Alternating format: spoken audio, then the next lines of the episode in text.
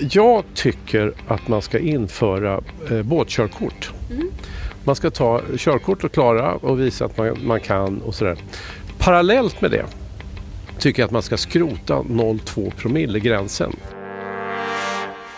Båtlivspodden fyller 13 avsnitt men det är sannoliken inget oturstal för vi har ett riktigt livsnjuteri-avsnitt på gång.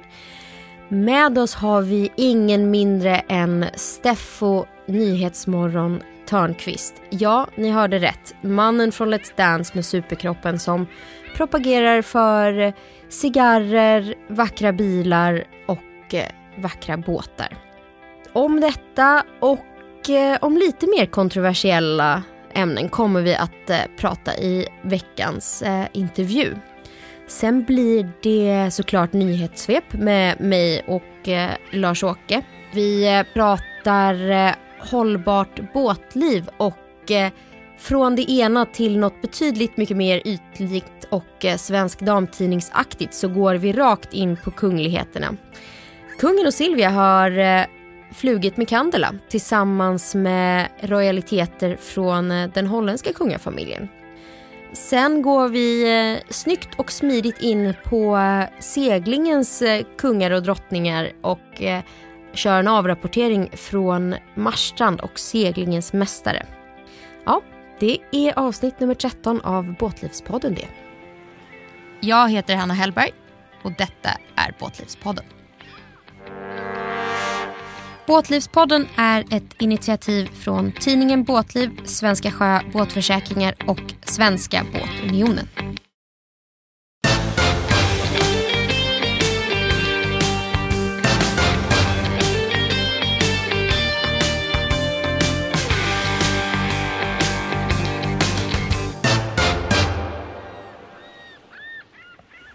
God dag, god dag Lars-Åke. God dag, god dag. Det var högtidligt. Ja, nej men eh, vi ska ju faktiskt ha lite kunglig flärd i dagens nyhetssvep så jag tänker jag börjar för att få in oss på rätt ton. Ja, det är rätt. Ja, men innan vi går in på det så vill jag återkoppla till eh, förra veckans avsnitt där vi pratade väldigt mycket hållbarhet. Från eh, det stora till det lilla, från det dyra till ja, beteenden som faktiskt är gratis.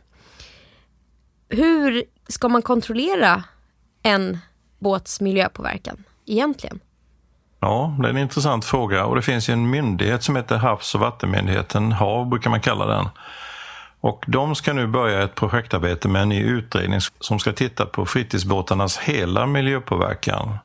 Ibland kallar man sånt för livscykelanalys. Från det man börjar tillverka någonting tills eh, produkten har lämnat marknaden och vad gör man med den då? Och jag tycker det här är jätteintressant eftersom många av de antaganden och ganska hetsiga uttalanden ibland när det gäller miljöfrågor det baserar sig oftast bara på tyckande och gissningar. Man vet inte så mycket. Ingen vet till exempel om det är bäst att skrota alla gamla tvåtaktsmotorer för att ersätta dem med nyproducerade elmotorer. Ingen vet inte ens om det är bäst att renovera en gammal båt istället för att skrota eller elda upp den. Så att eh, får man reda på det där så blir det nog lite mer styrning på en sån här diskussion. Och parallellt med detta så finns det en organisation i Stockholm som heter Baltic Waters 2030. De håller på med en undersökning av hur Alltså man talar om vattenmiljöer, olika vattenmiljöer, om det är grunda vikar eller om det är djupa fjärdar och sådär. Och de ska undersöka just hur vattenmiljöerna påverkas när vattnet grumlas i grunda vikar och fjärdar när man kör med motorbåtar eller när man kör överhuvudtaget. Det är motorn som påverkar, det trycker iväg vattnet så grumlar det lite grann, eller mycket. Det är frestande att tro att det här är ganska dåligt att det grumlas upp vattnet, det tror jag också kanske, men vi vet inte det heller. Men det kommer vi att få reda på efter det här projektet som jag läste en väldigt intressant artikel om i Dagens Nyheter häromdagen. Mm. Så att jag tycker att man ska verkligen välkomna det här. Nu är det forskare ute på fältet och tar reda på saker och ting och mäter och verkligen får fram fakta. Så då ser jag själv fram emot en förbättrad diskussion som grundar sig just på fakta och inte så mycket tyckande. Man kan tycka också, men det är ju bra om det finns något gediget i botten, eller hur? Mm. Ja, men det här känns som någonting som eh, Miljökarl, som jag kallar honom för, som var i förra avsnittet, kommer förkovra sig i när det kommer. Ja, men det är alltid intressant. Alltså för 20, äh, 30 år sedan tror jag det var, jag läste i en, i en sån här forskningstidning häromdagen, så var alla forskare överens om en sak när det gäller kvoter för hur mycket fisk man ska fiska i Östersjön. Och då körde man på den linjen och fick politikerna hänga på. Nu har det visat sig att de antaganden som man gjorde då var felräkningar, alltså man hade räknat fel. Vilket gjorde att man har fiskat alldeles för mycket och det tycker jag man ser ganska tydligt eh, bevis för ute i Östersjön. Det är ju väldigt svårt att fiska både torsk och sill och sådana här saker som för 25 år sedan så fanns det hur mycket som helst. Så att det är klart att eh, de politiska beslut man tar måste också grundas på fakta och verkligheten utvecklas efter det. Ja, och vi, blir, vi förstår ju mer ju mer vi forskar. Det är inte så att det var av illvilja som man antog saker förr i tiden. Var att man inte visste bättre. Jag menar vi visste ju inte att rökning var skadligt och att man skulle ha bilbälte heller. Men det har vi lärt oss nu. Ja, och ibland kan man göra vanliga fel. Man kan räkna fel. Man kanske sätter en nolla eller ett kommatecken fel eller sådär. Mm. Been there, done that. Men från det ena till det andra. Fler nollor eller färre nollor nu när man köper nya båtar.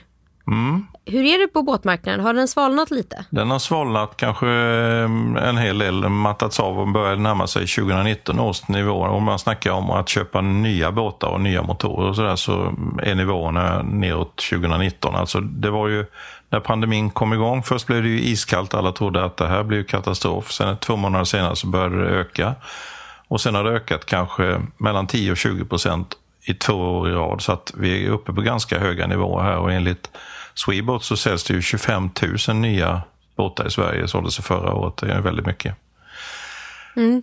Och det som väntar här nu det är ju att priser kommer att höjas väldigt mycket. Jag tror, efter vad jag har hört, och jag lyssnar med ganska många som är insatta i det här, så tror jag att priserna på nya båtar kommer att höjas mellan 10 och ända upp till 20 procent och i en del fall ännu mer faktiskt. Det beror lite på vad det är för typ av båt. Men då är det så här att en del riktigt stora återförsäljare de har köpt hem massor med båtar och det finns en hel del båtar färdiga som står på lager. Alltså den som vill göra en bra affär kan köpa en nybyggd båt redan nu. Båten byggdes då någon gång tidigare, 2022, det här året. Och eh, det är de båtarna som kommer att säljas i vinter här innan 2023 års modeller kommer. Och de som kommer nästa år kan då vara höjda minst 10% i pris. Vilket betyder att man kan spara ganska mycket om man eh, kan slå till här nu. Och även om man ska låna pengar till en del av sitt köp så tror jag att det lönar sig rejält. Det här gäller inte bara båtar. Ja, trots ränteläget. Ja, det tror jag. Det här gäller även båtmotorer, fast där är tillgången lite sämre på nya motorer som ligger i lager hos återförsäljarna. Och andrahandsmarknaden, ser vi samma trend där? Ja, den steg ju väldigt mycket i början av pandemin. Då så började ju alltså båtar, även segelbåtar, typ Maxi 77 som man körde iväg i parti minut till skroten. Helt plötsligt fick de ett värde på 30-40 000 kronor för en sån här båt. Nu kanske de är nere på att börja tappa sitt värde igen ordentligt, men eh, de båtar som man sålde har väl antagligen tjänat ett gott syfte och det fanns mycket mer att ge hos dem. Det är alltid mm. köparens betraktarens ögon ju om saker och ting är värda någonting. Men generellt sett så har begagnatpriserna gått ner kanske på två år, minst 20 procent tror jag. Mm. Så läge att köpa båt. Vi är i köparens eh, marknad. Mm.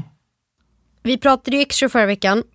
Nu ska vi prata Candela igen. Det har vi faktiskt gjort i podden innan. Och Candela och kungen. För kungen har ju varit ute och provkört Candela, visst är det så? Ja, precis. Både kungen och drottningen Silvia var med också.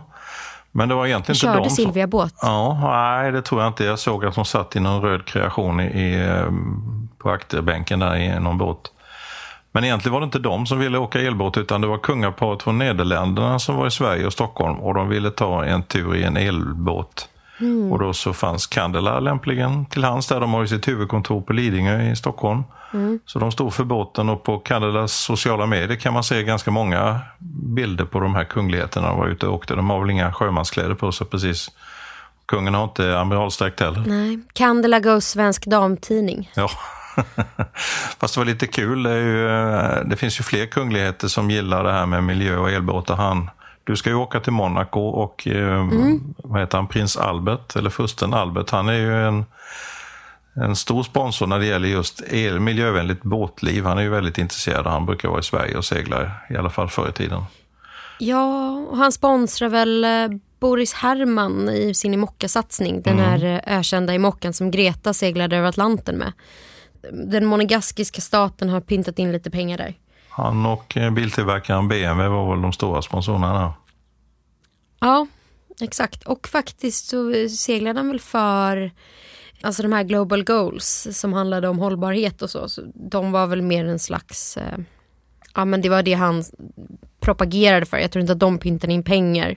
Men det är ju den nya Vogue-trenden nu bland stora seglingsprojekt att eh, rika människor petar in pengar och de gör det och så sätter de deras välgörenhetsfond eh, av choice på båten.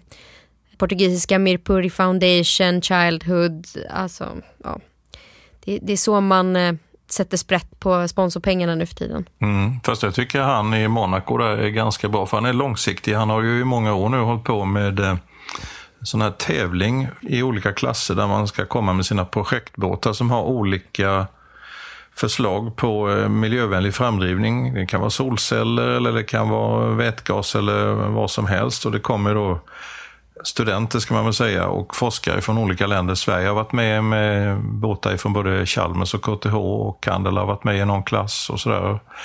Jag tycker sånt är spännande för det, där kommer ofta fram nya idéer. Man vågar testa saker och ting och få lite uppmärksamhet. Det är rätt kul. Mm.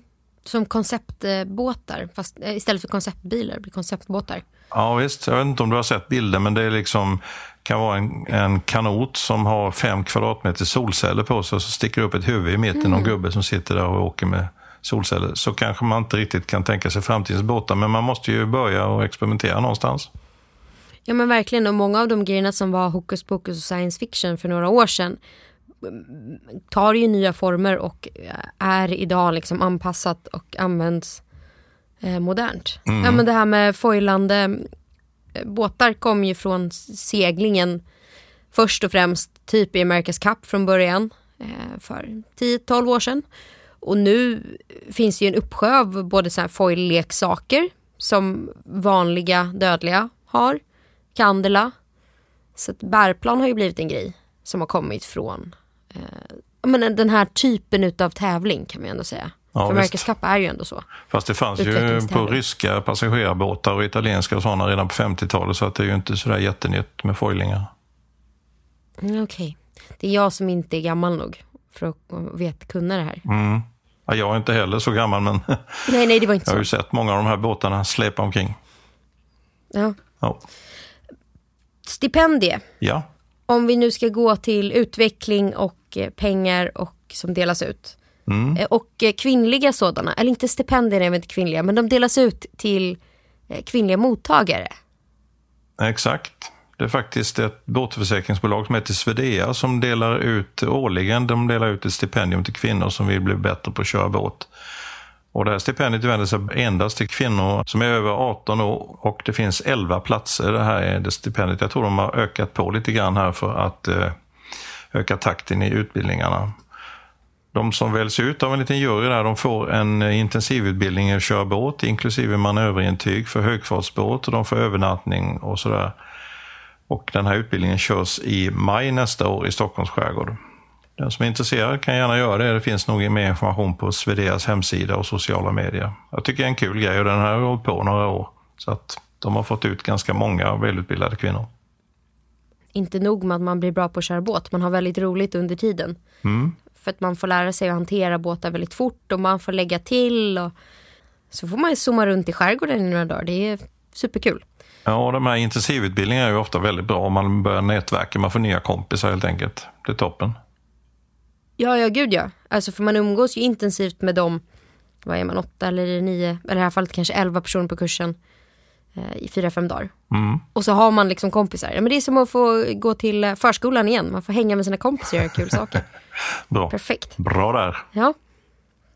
Men eh, det är ju inte bara kul nyheter vi har på. Vi ska prata båtstölder. Eller ja, det är väl positivt för de har ju minskat. Men du vill höja ett varningens finger. Ja, alltså båtstölderna har minskat väldigt mycket. En av de få positiva effekterna av pandemin var ju just att eh, antalet båtmotorstölder minskade. Och det märktes särskilt väl i Stockholm där minskningen var nästan 50 procent. Jag tror det var 44 eller 45 procent. Så det är ju verkligen positiv utveckling.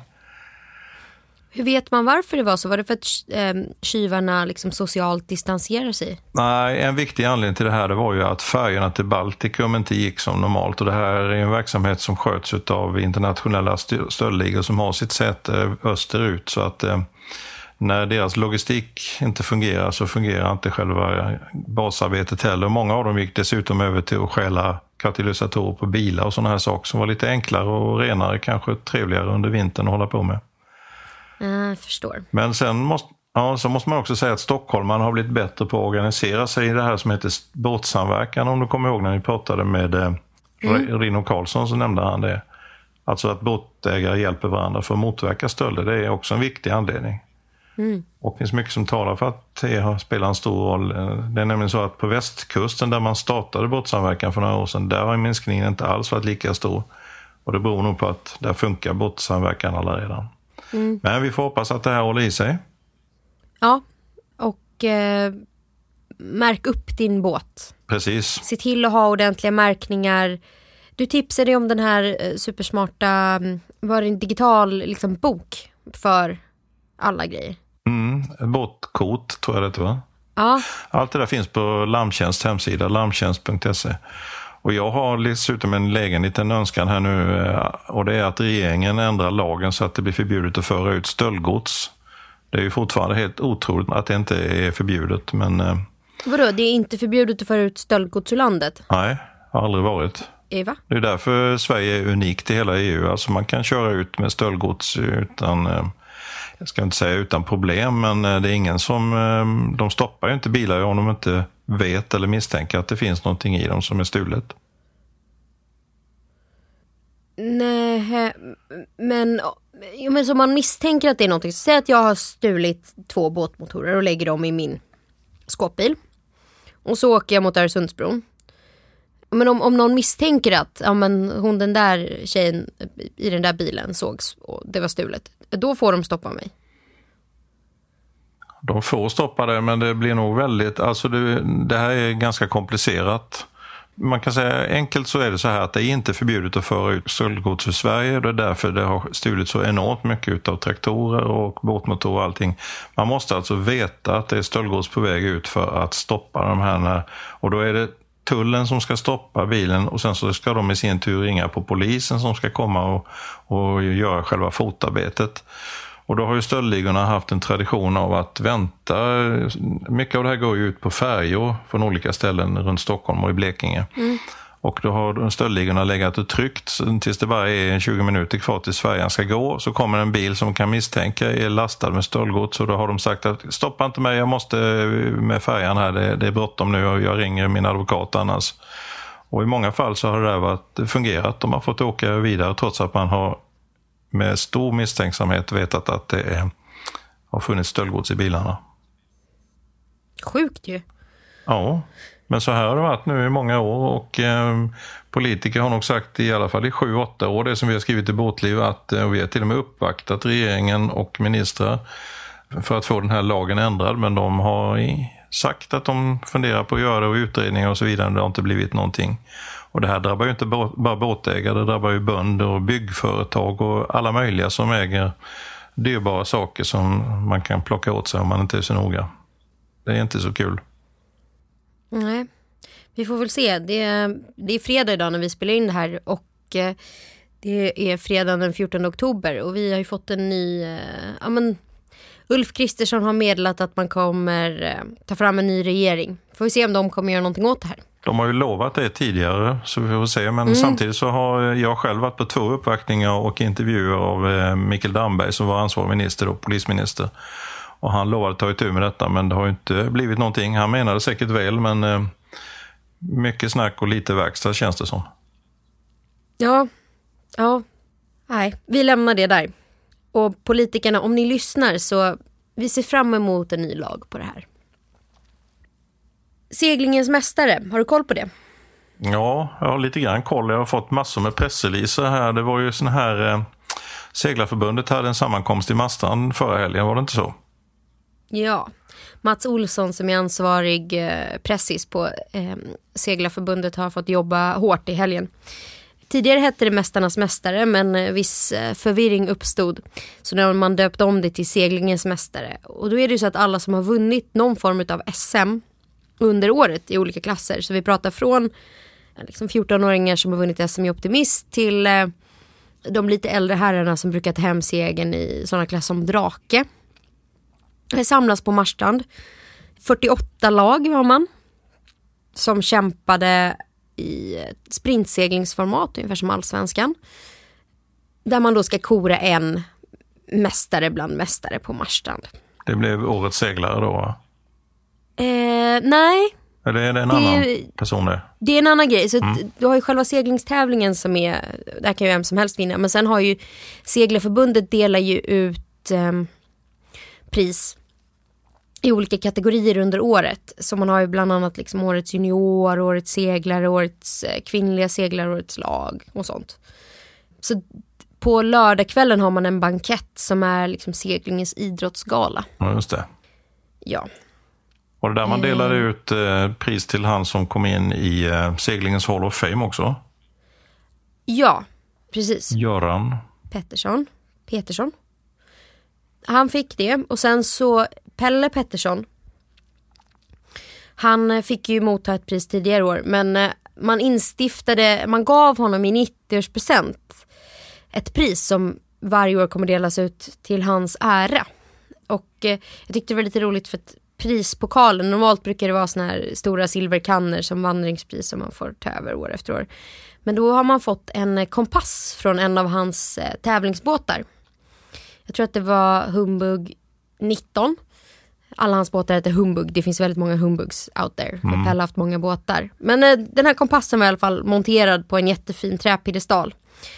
Och priset handlar egentligen inte om prestation utan någon som är en god ambassadör för seglingssporten och verkar i, i enlighet med Pelles anda, tror jag att man beskrev det som. Och då gick den till Christer Båt. Det är ett bra namn. Mm, exakt, väldigt, väldigt, eh, väldigt bra namn. Jag har en killkompis som heter Carl Fredrik Fock och det ironiska är att han är storskotstrimmare.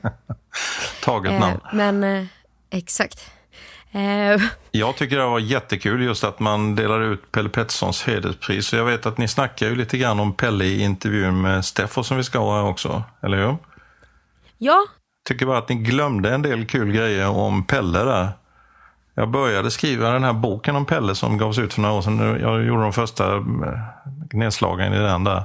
Jag tycker ni skulle haft med det här att han var en av Sveriges bästa lådbilsförare, Pelle, när han var ung man. Han var väldigt tävlingsinriktad redan då och det är ju det han har varit hela sitt liv sen.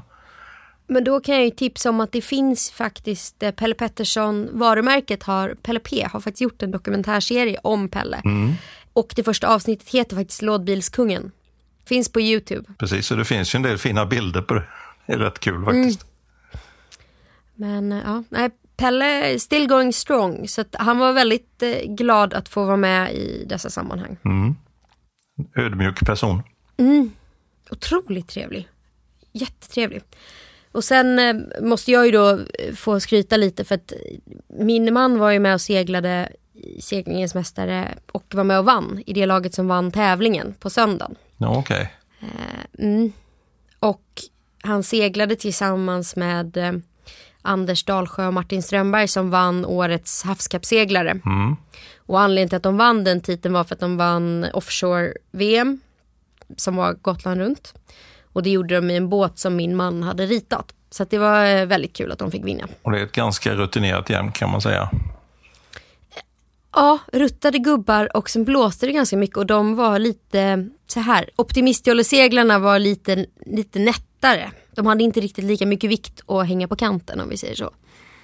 Man brukar kunna ta på sig en tjock tröja och fylla den med vatten. Funkar inte det? Mm.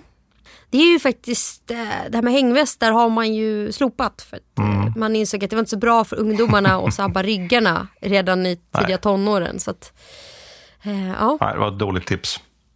Ja, lyssna inte på Lars-Åke om det här. Det är bättre att ni väljer revar seglet på båten. Men du pratade ju faktiskt nu, vi släpper det här med seglingens mästare och kanske spinner vidare på det här med lådbilskungen och eh, du hintade ju lite om vem som ska eh, besöka oss i veckans poddavsnitt efter detta nyhet, svepkonkluderas. Mm. Det är ju så att eh, jag har pratat med Steffo Törnqvist, Steffo Let's Dance Superkroppen, Steffo Nyhetsmorgon, Steffo Cigarrkungen, Livsnjutaren, Steffo Törnqvist. Så att det, mina kära vänner, det blir mycket livsnjuteri och en del kontrovers. Så kan vi säga. Ja, men det är en jättebra intervju. Det, det tycker jag absolut man ska lyssna på. Få lite annan syn på många saker och ting. Ja. Så eh, ska vi säga att eh, det var det och så får ni bänka er för intervjun med, med Steffo och kanske plocka fram något gott att äta samtidigt. Absolut. Lycka till nu. Tack. Hej då. Hej då.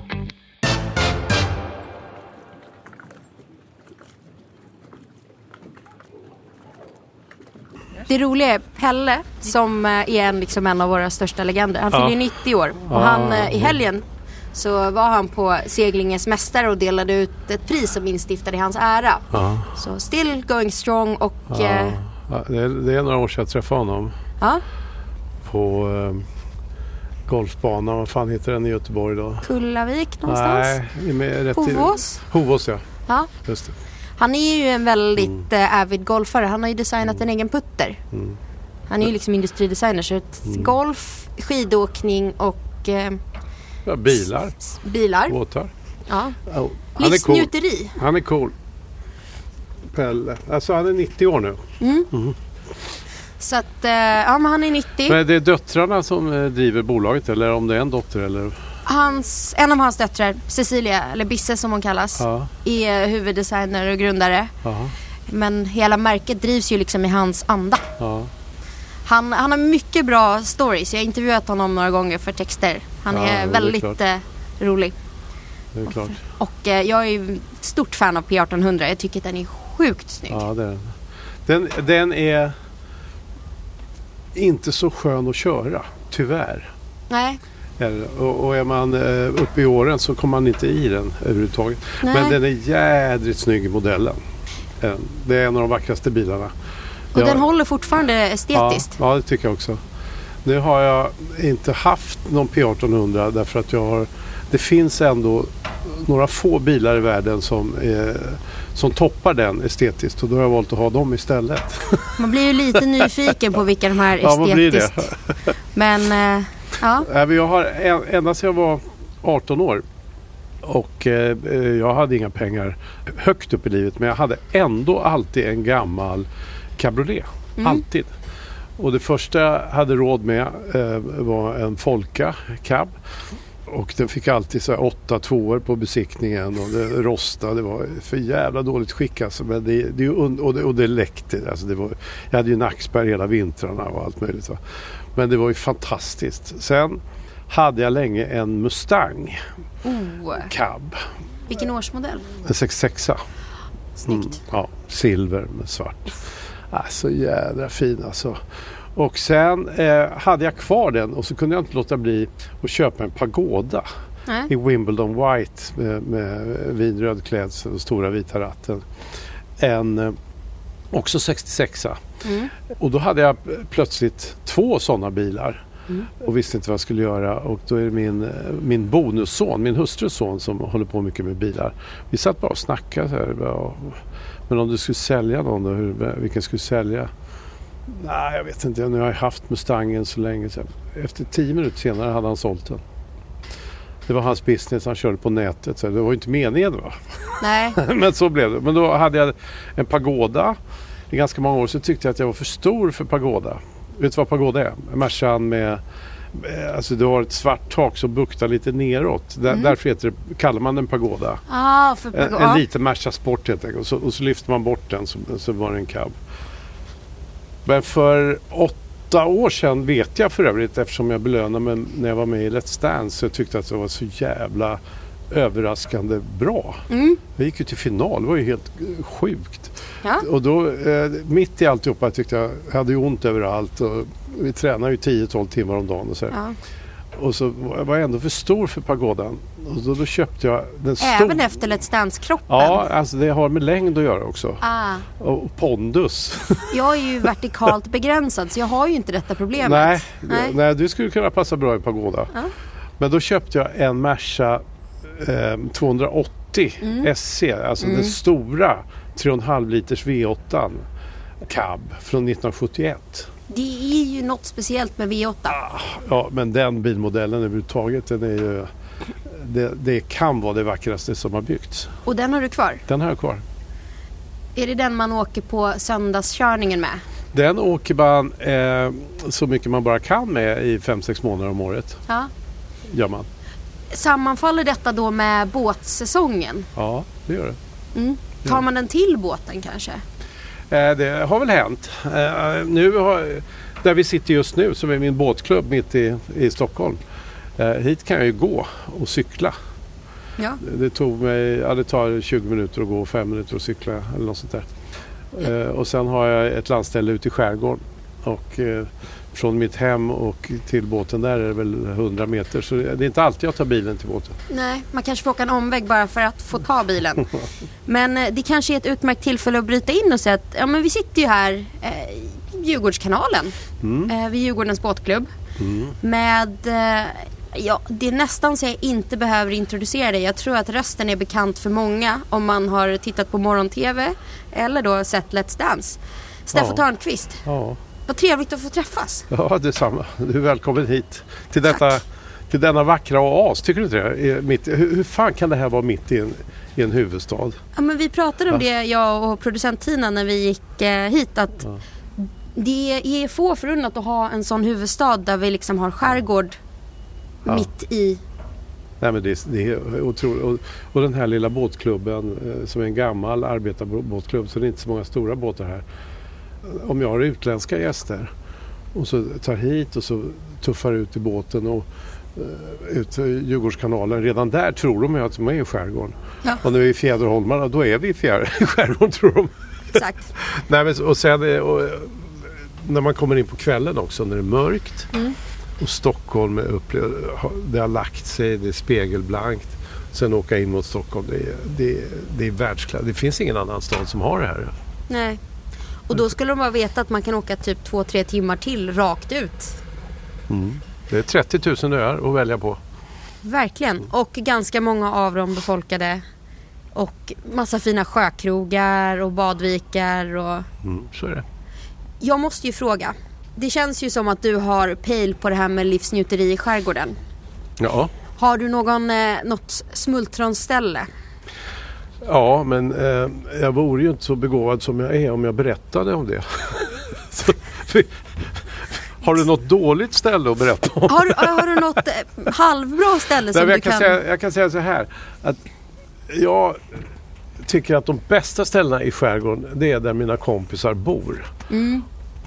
Jag har, det är klart att jag har några sådana ställen som jag åker till också. Men eh, det roligaste båtlivet är att eh, jag och min fru gör ofta att vi, vi spelar golf på morgonen. Mm. Vi har ett, ett sommarboende nära eh, Fågelbro på Värmdö. Och sen så eh, åker vi ut med båten. Eh, har lite jordgubbar och, och kanske någon, eh, något gott att dricka och sådär. Och så lyssnar vi på Sommar, Ja, badar från båten och sen åker vi till någon kompis på, käka middag. ja, på Dalarehållet eller ja, det spelar ingen roll, det är, det är både norr och, och söderut. Men Värmdö ligger väldigt bra i skärgården. Ja. Det är ganska nära till alla kompisar. Ja, Och vi har så- båtplatser mittemot Grinda på Ja. Värmdö. Ja, Det är superpraktiskt för man är ju liksom redan i mellanskärgården. Men ändå kan man åka dit med bil. Grinda är inte så dumt heller.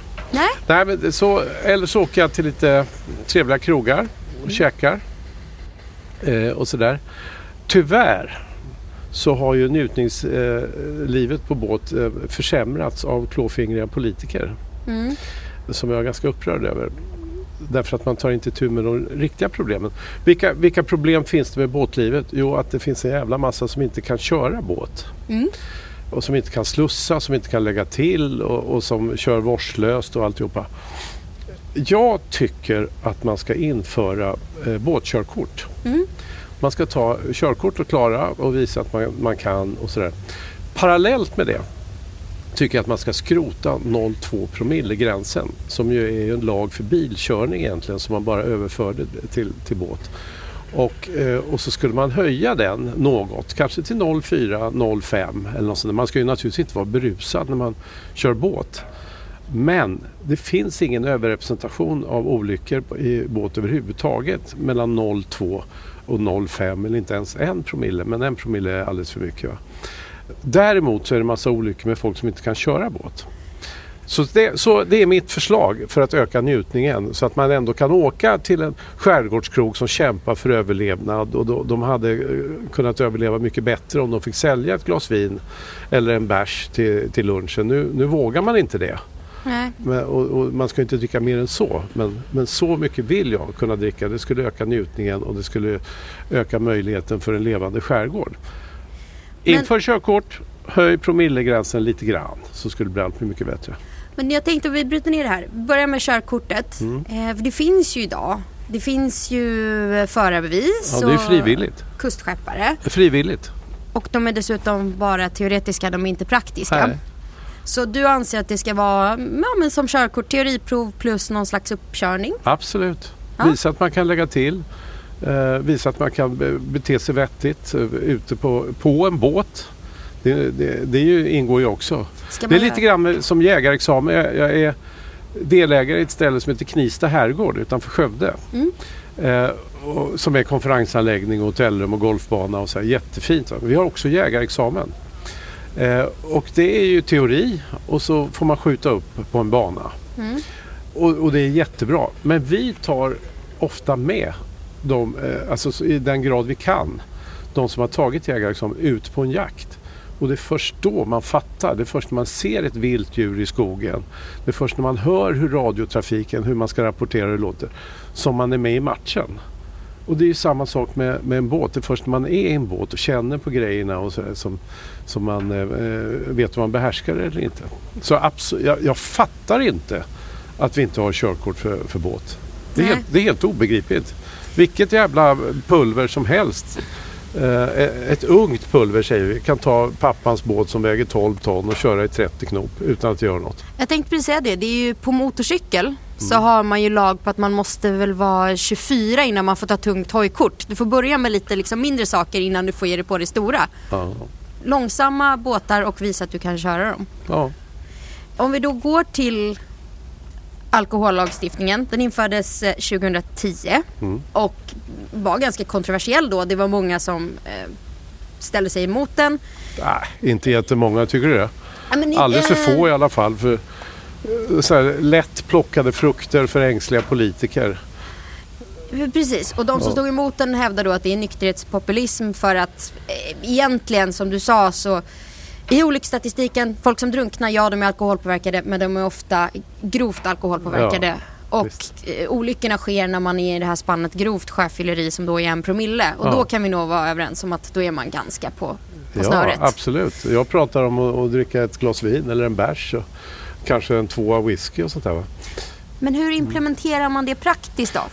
För det finns ju regler för att du, om du kör en långsam och liten båt så får du vara Jo, lite men, mer. Det är så jävla krav. Ja, det, ska, ska man köpa liksom en, en fyllesnipa? Nej, det ska man inte. Eh, det, det, handlar inte om fyll, fyllegrejer utan det handlar om ett vanligt anständigt värdigt liv för vuxna begåvade människor. Det är klart att jag inte skulle dricka mig berusad och köra båt. Aldrig i livet.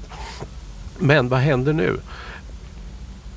Politiker vågar inte. Alltså, säg den politiker som vågar driva frågan att man i Sverige ska höja en promillegräns. Det finns inte. Jag pratar med väldigt många politiker eh, eftersom de är gäster hos oss i Nyhetsmorgon och vi tar en kopp kaffe och snackar. De håller med mig men det är inget, du, du kommer aldrig få säga, säga det här. De kommer aldrig gå on record? Nej, aldrig, aldrig. Men då kan det möjligen finnas ett litet, litet läge om man eh, tryfferar det med körkortskrav. Mm. För det är ju, det är ju vettigt. Mm. Det är ju vettigt och då skulle man kunna säga att ja men det kanske var lite snabbt tänkt det här. Det var ju ändå en billag. I, I, bil är det ju en annan femma. Eh, även om jag har, jag har gjort ett eh, nykterhetstest på Väg och trafikinstitutet i Linköping och körde rattfull. Där jag eh, drack och man mätte promillehalten och så körde jag bilsimulator och så skrev jag mina upplevelser. Eh, vilket visar också att promillehaltmätning är ett väldigt trubbigt instrument. Alldeles för trubbigt instrument. Jag körde som bäst vid ungefär 0,3 promille. Mm. Då reagerar jag snabbast, körde jättebra. Sen börjar det bli riktigt dåligt uppåt en promille. Mm. Och jag har inte spottat i glaset genom åren men jag var helt fullständigt plakat vid 1,8. Jag kom aldrig över 2 promille. Då var jag borta, då hade jag minnesluckor och, och, och alltihopa. Sen körde jag dagen efter när jag var nere på noll igen. Vi mätte och tittade mm. när jag var nere på noll. Då körde jag ungefär lika dåligt som när jag hade en promille. Men jag, jag var laglig att köra. Så det, det är ett för trubbigt instrument. Man borde inte få köra eh, bakfull till exempel. Men, hur det, men det går inte att mäta så därför nej, går det inte att lagstifta? Nej, därför därför man, får man lita på sitt eget omdöme också. Eh, det, det går inte att lagstifta eh, det. det är promillehalten som gäller naturligtvis i bil. Men, men jag är, jag är en, en vuxen, hyggligt eh, i skallen möblerad person med, med, med hyggligt omdöme. Jag skulle aldrig köra full i båt. Men jag vill inte att någon ska, skapa en lag som säger att du kan inte ta en pilsner till lunchen på en skärgårdsservering en sommardag. Det är klåfingrigt och det, det, det stör min njutning i min båt på ett sätt som jag tycker. Det är likadant faktiskt med cigarrökning på uteservering. Ja. Det, det, det, är samma typ. Det var Annika Strandhäll som, som ledde det där eh, arbetet och jag har eh, försökt eh, mobba henne för det. Eh, hon bor i närheten där, eller bodde i närheten där på Fågelbro och jag brukar alltid fråga henne om eld när hon satt på krogen där för att reta. Nej men det, det, har aldrig varit några problem.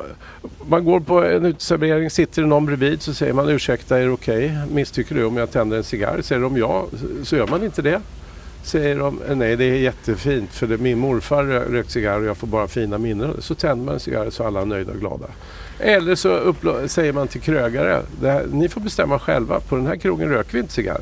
Nej, då kan, jag då kan jag välja att gå till en annan. Eller så har man en viss avdelning på uteserveringen. Så kan man också. Det finns så många bättre lösningar än att totalförbjuda. Det finns ju uteserveringar som är en centimeter från biltrafiken. Mm. Ja, vad, hur, hur lyder argumenten då? Nej, Nej, de är ju lite oklara. Nej. Och dessutom, vet du, du, om du får gissa här vad forskningen visar. Tror du att cigarrrökare eller icke-rökare lever eh, längst? Vad tror du? Jag tror att det här är en ledande fråga och att cigarrrökare lever längre för att de kanske Rätt känns svar. som lugnare människor som inte stressar ihjäl sig ja. i onödan. Du, du försökte på en motivering direkt varför. Det finns ju andra också. Eh, en kan vara, har man råd med cigarr så har man råd med ett ganska, en god livskvalitet i övrigt. Men man drar ju ingen halsblås. Röken är basisk, det är som snus. Nikotinet går upp genom slemhinnan i gommen. Alltså får man inte lungcancer. Nej. Som man dör av när eh, man röker cigarett som är livsfarligt. Cigarett kan man ju förbjuda överhuvudtaget. Vad fan ska vi ha cigaretter för? Ja, det var intressant. Jag var på en uteservering i eh, San Marino i Italien ja. och så satt vi och käkade lunch på en så här innesluten uppe på en kulle. Och så var det, de hade en tvååring vid bordet som satt i en sån här liten eh, stol. Mm. Och sen så satt de och rökte. Och det var liksom inglasat vid sidorna. Så sa jag att, ja men ursäkta, skulle ni kunna tänka er att inte röka? Jag hörde att de var tyskar så jag pratade tyska med dem. Mm. Och de bara, men vi får röka här. Och jag bara, jo ni får men jag, jag hade uppskattat om ni kunde vänta. Och de bara, nej vi får. Och bara, så, så handlar det egentligen, du sa att det handlar om att vara hyfsat välmöblerad i pallet i alla de här frågorna. Ja, lite uppfostran kan man ju säga i det fallet också. Så kanske var då respekt av sina med... Ja, ja. Vi, pratade ju, vi hade ju med en sjöpolis i ett av våra avsnitt och då pratade vi mycket om vad som skulle göra sjölivet säkrare. Och det mm. han sa är att vara respektfull mot sina medtrafikanter ja. på sjön. Att inte köra för nära, inte köra för fort och att sakta ner om man är osäker. Ja. Och det tror jag är, kanske får en större påverkan. Ehm, för angående det här om att du sa att man jämför det med, för nu är det samma gränser för sjöfylleri och eh, rattfylleri. Mm. Tror du att lagen stiftades av folk som inte har så mycket kunskap i hur det är att vara på sjön? Och att anledningen till att man inte kan ta bort den är för att den stora delen av den svenska befolkningen kanske har dålig insikt i hur man faktiskt beter sig på sjön? Eh, delfråga ett. Mm. Tror jag att lagen är stiftad av folk som inte eh, vet hur det är på sjön? Absolut. Absolut. Eh, fråga två. Ja, men jag tycker när jag pratar med vanligt folk om det här, vilket jag gör då, så har de stor förståelse för det och håller med och tycker också så. Det är en och annan som säger men man ska ju inte vara full såklart. Nej, det tycker inte jag heller. Eh, så det är, det är folk som är mindre begåvade och inte, inte hör eh, hela budskapet. Nej, men det, hur, hur, hur gör man politisk karriär? Jo, man är vaksam. Eh, man sätter upp fingret var det blåser åt och så är man ängslig för att göra fel. Ja, annars kan man inte göra politisk karriär, verkar som. Och då är det problem. Vi har nu en lag, idiotiskt instiftad. Och att komma bort från den är jävligt svårt för att det är en sån känslig fråga. Nej, vi ska höja från 0,2 till 0,4 säger vi. Det, det, vi vet ju att några kommer ju gnälla och skrika och, och kackla som inte har koll på vad 0,4 är eller 0,3 och hur skärgårdslivet och båtlivet ser ut.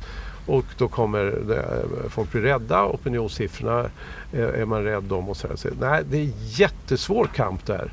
Ni som håller på med båtopinionsbildning, ni borde hålla på med det här och tjata och ringa upp alla politiker.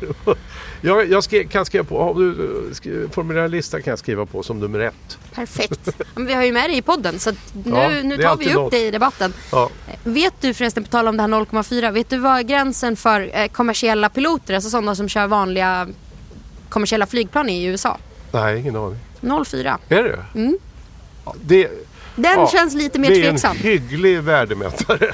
Ja. det är klart det är tveksamt men det säger ju något att 04 hade kunnat funka rätt bra på, i, i, en, i en båt. Verkligen och sen jag har kört ganska mycket kommersiellt eh, och då kan jag väl vara så här, nej men där ska det vara 000 för att ja, men, ja, nu körde jag båtar som gick 60 knop och hade en massa passagerare. Och det är en ja, annan sak. Ja, men det är, då kopplar vi in det här med omdöme ja. och empati. Det är klart man inte dricker någonting om man har, kör i 60 knop och har passagerare. Nej, jag jobbade ju dessutom. Det, så det var ju inte... Var det ribb med, med eh, eh teknologer höll jag på att säga, med IT-folk och sånt där som skulle ut? Mycket mellanchefer. Ja. Mm. Vi körde ju till väldigt många... Fick de på sig sina våtdräkter? Vi fick... Eh, vi körde dem väldigt ofta ut till skärgårdskrogarna. Ja. Det var ju väldigt tacksamt för att vi som kaptener fick ju njuta av maten på väldigt mycket skärgårdskrog i, på jobbet ja. som personalmat. Och det uppskattades. Men vi fick ju också då, andra sidan myntet var att vi fick hjälpa våra gäster på med flytvästarna efter att de hade haft det väldigt trevligt. Ja. Eh, hoppar, du, hoppar du i svallet efter ja. Finlandsbåtarna? Här? Vaxholmsbåtarna bättre svall. Ja, de, ja de, är, de är mer brutala faktiskt. Ja. Jo, absolut. Mm. Så att man lyfter. Men så gäller det att landa mjukt för man vill ju inte ge dem eh, mm. liksom ryggskott. Jag har ju åkt eh, Roslagsloppet två gånger. Ja. En gång vann jag. Coolt. Första gången så vann jag. Andra gången så ligger jag jävligt bra till. Mm. Det, det, är en skoter som ligger bredvid. Mm. Skotern ser inte att det är Vaxholmsbåtssvall. Jag drar ju ner när det kommer. Skotern kör rakt in. Puff, du vet, flyger 30 meter upp. Splabang, så att jag får ju dra ner och, och åka dit och hjälpa till och så. Ja. Eh, så andra året vann jag inte. Men det gäller att hålla koll på den där Vaxholmsbåtsvallen. Alltså. Andra året vann du karma-racet för att du fångade upp en stackars Aha, skoterperson. Ja, men jag vann inte racet. men du har vunnit en gång. Men för de som inte vet då, Roslagsloppet. Ja. Lite snabbt. Hisspitchen för det. Ja, eh, nu hörde ju till saken att jag vann Musse Pigg-klassen. Jag vann kändisklassen. Eh, 12 eh, deltagare. Eh, någon, det är lite olika båtar varje år men någon, eh, något fabrikat ställer upp och, då har de testat så att båtarna går identiskt snabbt. Mm. Identiska motorer och sådär. Och så kör man, eh, det är väl nästan 100 distans va? Mm. Eh, som idioter. Och den som kommer först i mål efter är både ledbruten och eh, väldigt glad. Ja. Jädrar, jag hade träningsvärk tror jag en vecka efteråt. Alltså. Men hade du kul? Ja, ja. jag hade sjukt kul alltså. Ja. ja. Det var li lite, alltså vi snittar ju inte mer, vad snittar vi kanske? Vi var 40 knop kanske. Ja. Vi var ju inte uppe i ribbfarter med de där. Det är ju standardbåtar. Eh, I glasfiber som studsar lite mer ja, kanske. Så att, det var ju njurbälte och... Ah, fy fan. Ja, men kul. Det är, ja. alltid, alltid kul att vinna. Men eller hur. Mm. Och när man kommer fram då? Ja. Får man ta sig en bia? Det, ja, gud ja. ja. du sa att dina favoritställen är att åka till kompisar. Du gissar att du har den goda smaken att välja kompisar som är duktiga på att laga mat. Men har du någon favorit skärgårdskrog som du vill tipsa om? Jag tror aldrig att jag har ätit dålig mat på Bullandö. Nej. Det är inte så långt ut i skärgården, det är väldigt nära eh, där jag har mitt sommarboende. Så jag är där då och då. Jag tycker, det är alltid, alltid bra käk där. Eh, Malma är kul. Mm. För att ta några närliggande. Mm. Eh, som har franska ambitioner. Mm. Där man kan få lite anka stekt i sitt eget fett. En confit de canard med och sen lite råstekt potatis i fettet också. Fan, nu blir jag hungrig. Ja, eller hur? Vi har ändå varit uppe några timmar. ja, för ja, du ska det... ju ta upp båten sen också. Du behöver ju verkligen någonting. Mm, så är det. Så Malmakvarn och Bullandö. Ja, det är två bra närliggande eh, krogar. Det, det tycker jag. Jag har aldrig varit missnöjd där. Kan ju tipsa om att de har ett italienskt glasscafé i nära anslutning till krogen. På Bullandö? Ja. ja, efter. Tror du tror inte jag visste det? Men jag tänker för våra lyssnare. Nu är det ju public Aha. service här att gå och käka mull till exempel mm. och sen går du och äter dig ja. en gelato och en espresso. Tre kulers. får man ju rulla hem sen. Men det är ju praktiskt. Då får man ha båten nära och så får ja. man ha sån här ramp ner. Det här är ju Båtlivspodden. Mm. Du har ju en båt. Vad kör du för båt? Jag kör en relativt ny båt. Mm. Jag har länge, länge, länge, länge levt med min älsklingsbåt. Som var en Coronet DC21 mm. från 1968. Skitfin. Jag hade dessutom satt i en, en ny V8 i den för några år sedan bara. Och då fick ha kvar den gamla instrumentpanelen. Mm. Jag ville inte ha de nya digitala grejerna utan gamla träpanelen och så. Här. Jaha, ja, men sen började min fru då mucka och säga att jag, är, jag närmar mig 70 år. Mm. Jag är 67 här snart och hon är lite yngre men hon är 62. Eh, och en kompis till oss som hade en Chris-Craft Lancer eh, hon ramlade i när hon skulle lägga till en gång. Och då började min fru säga ja, men den här båten är så obekväm och svår att hoppa i och ur och måste över glasruta. Och man har hund och väskor och så här. Vi kommer att ramla i. Nej, det är ingen fara. Det, vi, är, vi är tillräckligt unga för att ha den här. Sen hade hon en båtsäljare mm. till bordet på en middag. Ah. Fredrik Bergström, känner du honom? Ja, på det gör jag faktiskt det. otroligt bra försäljare och också golfspelare. Så jag brukar slå honom visserligen. Men jag känner honom privat och eh, och Carro, min hustru, började skissa på att jag skulle vilja ha en walk-around. Man, man, jag vill sola och det behöver inte... Eh, det, man skulle kunna möjligen sova någon natt men det gör, det, hon vill ju inte det. Jag gör det ibland men hon vill inte det. Ja, det blir svårt sa han men... Eh, ja, jättesvårt. Han hostade upp en Nimbus Nova 26 fot från 05, det vill säga den, man kan bygga om aktersoffan till soldäck ja. med två grepp. Så det blir liksom 1,40 gånger 2,40 och ligga och sola. Ja. Ja, och då sa min hustru, det här är perfekt. Om du köper den här, då får du jaga hur mycket du vill utan att jag ska gnälla. Så. Och det var lite för bra bett för att uh, inte ta. Så jag köpte den. Mm. Men hon har gnällt ändå. och då hade jag plötsligt två båtar. Och då var jag hos min tandläkare som jag känner, jag har gått många år. Och hur har sommaren varit? Alltså, ah, fan, jag, jag köpte en ny båt. Och, så. och han, hade, han har bara sett, han har inte åkt till Coronetten, han har bara Nej. sett mig. Så han visste, jaha vad ska jag med Coronetten? Nej, jag vet inte. Jag köper den. Nej, men jag vet inte ens om jag ska sälja. Nej, men jag, jag köper den. Om, om du beslutar för att... Så jag köper den direkt. Tjoff. Så gick jag hem och sa det till min hustru Carro att fan ska vi göra? Två. Och då eh, snackade jag med tandläkaren och sa men du får behålla nyckeln. Du kan ta den när du vill. Ha? Ja. Och det, det, blir ju inte så. Nej. Men han köpte den. Så jag sålde den och nu har jag en Nimbus. Som ju, det är ju ingen dålig båt. Nej. Men det är ju ingen sexig båt. Nej. Coronet DC21 från 68. Det är havets Mustang. Är det. Jag förstår att du tilltalas av eh, den liknelsen. Mm. Eh, men man har ju bruksbilar och man har bruksbåtar. Och de är ju väldigt sällan då superpraktiska. Men snygga. Ja, ja men det- det, alltså estetiken ingår Ja. Eh, i det mesta. Min eh, kära man jobbar med att segla och han seglar på en båt som är 143 fot som heter Svea. Som jag tror att du hade uppskattat. Jag ska visa dig en bild när vi har mm. spelat färdigt. Men den här båten, förutom att den inte är riktigt lika sexig som Coronetten, är den bra då? Jag tvingas väl säga att det är en bra båt. Så din fru hade... Hon är så, alltså hon är så jädra nöjd. Nu vet jag, jag vet inte om, för jag har ju kritiserat henne att hon gnällde att jag jagar för mycket i alla fall. Mm. Så att hon är lite överdrivet positiv nu. Men hon, du vet, hon joddlar och sjunger och tycker att livet är toppen så fort vi, vi åker ut med båten. Nej, det är klart det är en, det är en bra båt. Mm. Är det. Eh, Men alltså som min gamla Merca när den står i garaget. Jag, jag kommer ner och tittar på den. Jag blir glad varje gång jag ser den. Det blev med koronetten också. Bara jag närmar mig båten och tittar på den så här, fan vad kul ändå. Det, det blir jag inte på samma sätt med Nimbusen även om jag tycker att det är en bra båt. Den är ju väldigt praktisk. Ja, Den är ju sjukt praktisk. Man kan ju vara hur många som helst där och upp med ett bord och sitta och käka och den tar sjön bra och allt. Det, det är en bra båt. Men den är inte sexig. men är inte det här ett tecken på att nästa sommar så ska du ta nycklarna och ta Coronetten och åka lite? Kanske. Men jag, jag vill inte göra intrång i hans eh, kärlek.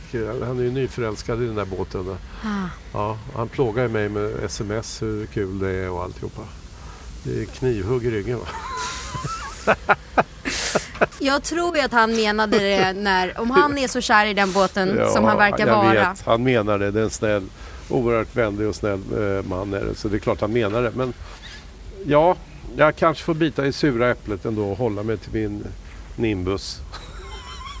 Happy wife, happy life. Ja, det är inte så dumt. Nej, jag tror dumt. att det, det stämmer nog bra. Ja, Men eh, ja, nej, med de visdomsorden. Jag tror att vi eh, säger tack som fan för att du var med. ja. Vi är inte så PK här så jag brukar svära i podden minst en gång. Mm. Och sen så ska vi njuta av höstsolen i Stockholm. Ja visst är det fint. Ja. Kanske ta oss ut på en skärgårdsbåt. Får se. Detta var Båtlivspodden. Hej då! Hej hej!